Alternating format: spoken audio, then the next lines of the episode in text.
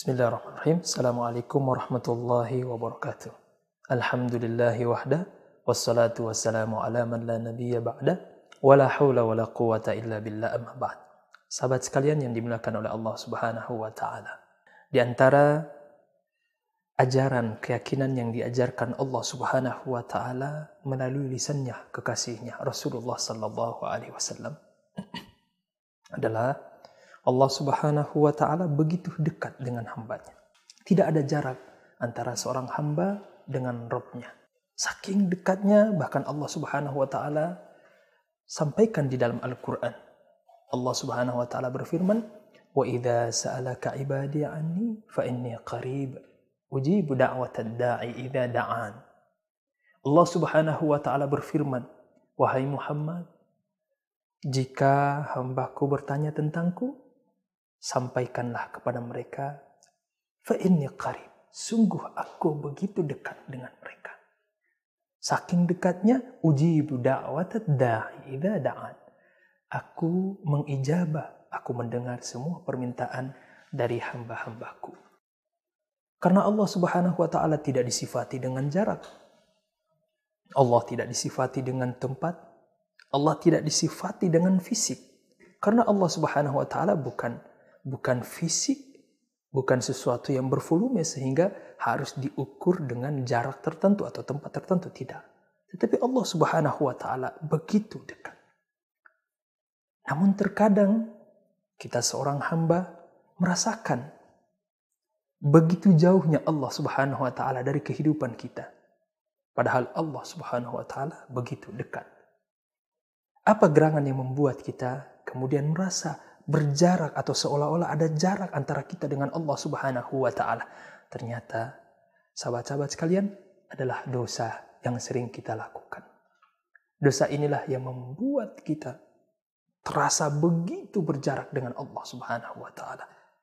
Padahal Allah begitu dekat. Dan Rasulullah Shallallahu alaihi wasallam menyebutkan di dalam hadisnya, "Idza aznaba al-'abdu, innal 'abda idza aznaba dzamban nukitat fi qalbihi nuktatun saudat. Rasulullah Sallallahu Alaihi Wasallam bersabda sesungguhnya seorang hamba apabila melakukan satu dosa maka tanpa ia sadari ia sedang menaruh satu titik hitam ke dalam kalbunya sampai kemudian kalbunya berubah begitu pekat hitam gelap sehingga tidak ada cahaya kedekatan Allah Subhanahu wa taala di sana. Maka sahabat sekalian, kita merasakan kedekatan dengan Allah bukan secara fisik, namun dengan hati kita, kalbu kita. Kalbu kita lah yang bisa merasakan kedekatan bersama Allah Subhanahu wa taala. Maka sahabat-sahabat sekalian yang dimuliakan oleh Allah Subhanahu wa taala, tidak ada cara satu-satunya untuk membersihkan hati kalbu kita agar terus merasa kedekatan dengan Allah Subhanahu wa taala kecuali satu hal yaitu dengan bertobat memohon, meminta ampun kepada Allah Subhanahu wa taala. Karena dengan bertobatlah kemudian Allah akan membersihkan hati kita, kalbu kita dari kegelapan yang menghalangi, yang menghijab kita dengan Allah Subhanahu wa taala.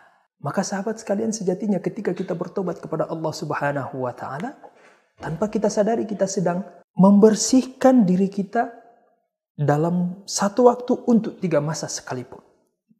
Yang pertama, ketika kita bertobat, tanpa kita sadari kita sedang memperbaiki masa lalu kita, masa sekarang, dan yang akan datang. Yang pertama, ketika kita bertobat, tanpa kita sadari kita sedang memperbaiki masa lalu kita, kita sedang menata kembali masa lalu kita, yaitu dengan menyesali dosa-dosa yang kita lakukan. Menyesali semua kelalaian yang selama ini kita lakukan. Yang kedua, Ketika kita bertobat tanpa kita sadari, kita sedang memperbaiki masa sekarang kita, yaitu kita melepaskan, meninggalkan semua maksiat dan kelalaian yang kita lakukan. Dan dengan bertobat tanpa kita sadari, kita sedang memperbaiki masa yang akan datang, yaitu dengan berazam, bertekad untuk tidak kembali melakukan dosa itu. Inilah yang dimaksud dengan taubatan nasuha menurut para ulama kita. Maka sahabat-sahabat sekalian yang dimuliakan oleh Allah Subhanahu wa taala. Ketika kita menyadari bahwa tidak ada satu cara yang paling ampuh untuk menyingkirkan kegelapan noda-noda hitam di dalam kalbu kita agar kita kembali bisa dekat kepada Allah kecuali dengan taubat, maka kami mengajak kami diri pribadi dan juga kepada sahabat-sahabat sekalian mari kita memperbanyak taubat kepada Allah, mohon ampun kepada Allah Subhanahu wa taala. Apalagi kita tahu bersama bahwa umurnya umat Nabi Muhammad sallallahu alaihi wasallam rata-rata hanya 60 tahun. Yang lebih itu ya sedikit, itu hanya bonus dari Allah Subhanahu wa taala. Paling banyak adalah 60 tahun. Ketika kita menyadari bahwa ternyata batas umur kita hanya sampai 60 tahun, itu artinya apa? Adalah sebuah keniscayaan atau kematian adalah sebuah keniscayaan. Sesuatu yang wajib akan menghampiri kita semuanya. Maka ketika kita sadari bahwa kita akan bertemu dan berjumpa dengan Allah Subhanahu wa taala, maka Mari sejak sekarang kita mempersiapkan bekal yang akan kita bawa untuk menghadapi kehidupan yang abadi. Kehidupan yang kita tidak tahu ujungnya ke mana. Maka dengan melaksanakan kebaikan, dengan memanfaatkan waktu yang Allah berikan kepada kita dengan mengisi eh, ragam kebaikan dengan atau dalam bentuk apa pun, sembari memperbanyak istighfar dan taubat kepada Allah Subhanahu wa taala. Minimal setiap kali seratus kali kita bertobat kepada Allah, beristighfar dengan menyebutkan astaghfirullahalazim. Astaghfirullah wa atubu ilaih. Ya Allah, hamba mohon ampun kepadamu, hamba bertobat kepadamu. Maka insya Allah, dengan tobat yang kita lakukan ini akan membuat atau membersihkan hati kita dari segala kotoran-kotoran yang telah bersangkar begitu lama di dalam kalbu kita yang menjadi hijab menghalangi kita dengan Allah Subhanahu wa taala. Sedangkan tidak ada bekal yang mampu menolong kita kelak di akhirat kecuali dengan kalbun salim. Sebagaimana yang disebutkan di dalam firman Allah Subhanahu wa taala, "Yauma la yanfa'u malun wala banun illa man atallaha biqalbin salim." Pada hari itu jabatan kekuasaan harta dunia anak keturunan tidak akan memberikan manfaat kepada kita kecuali illa man atallaha biqalbin salim kecuali mereka yang mendatangi Allah Subhanahu wa taala dengan qalbun salim hati yang dibersihkan yang selalu atau senantiasa dibersihkan dengan istighfar taubat dan nasuha kepada Allah Subhanahu wa taala maka sebagai closing jamaah sekalian kalau kita tidak mampu melampaui ibadah orang-orang soleh, kekasih-kekasih Allah, dan kita tak akan mampu.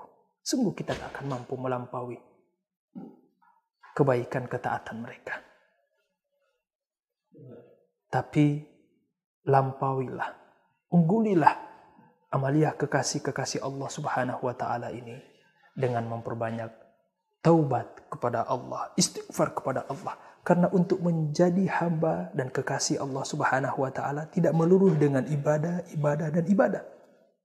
Tetapi kita bisa melewati jalur kemaksiatan. Bagaimana caranya? Ketika kemaksiatan itu memberikan kita rasa hina di hadapan Allah Subhanahu wa taala. Dengan dosa yang kita lakukan kemudian kita merasa begitu hina di hadapan Allah Subhanahu wa taala, maka dengan dengan perasaan hina inilah yang akan mengantarkan kita kedekatan kepada Allah dan inilah maksud dari firman Allah Subhanahu wa taala innallaha yuhibbut tawwabina wa yuhibbul mutatahhirin sesungguhnya Allah Subhanahu wa taala mencintai orang-orang yang bertobat kepada Allah yang senantiasa bertobat minta ampun kepada Allah dan Allah mencintai hamba-hambanya yang senantiasa mensucikan lahir, batin, fisik dan kalbunya. Mudah-mudahan dengan istighfar yang kita lakukan, dengan taubatan nasuha yang kita lakukan, insya Allah kita akan dimasukkan oleh Allah Subhanahu wa taala ke dalam barisan hamba-hamba yang dicintai oleh Allah Subhanahu wa taala. Kalau kita sudah bertobat dan terjatuh kepada dosa yang sama lagi, bertobat lagi. Sampai kapan? Sampai syaitan itu bosan dengan tobat yang kita lakukan. Ini dulu yang bisa saya sampaikan. Mudah-mudahan bermanfaat. Billahi taufiq wal hidayah. Assalamualaikum warahmatullahi wabarakatuh.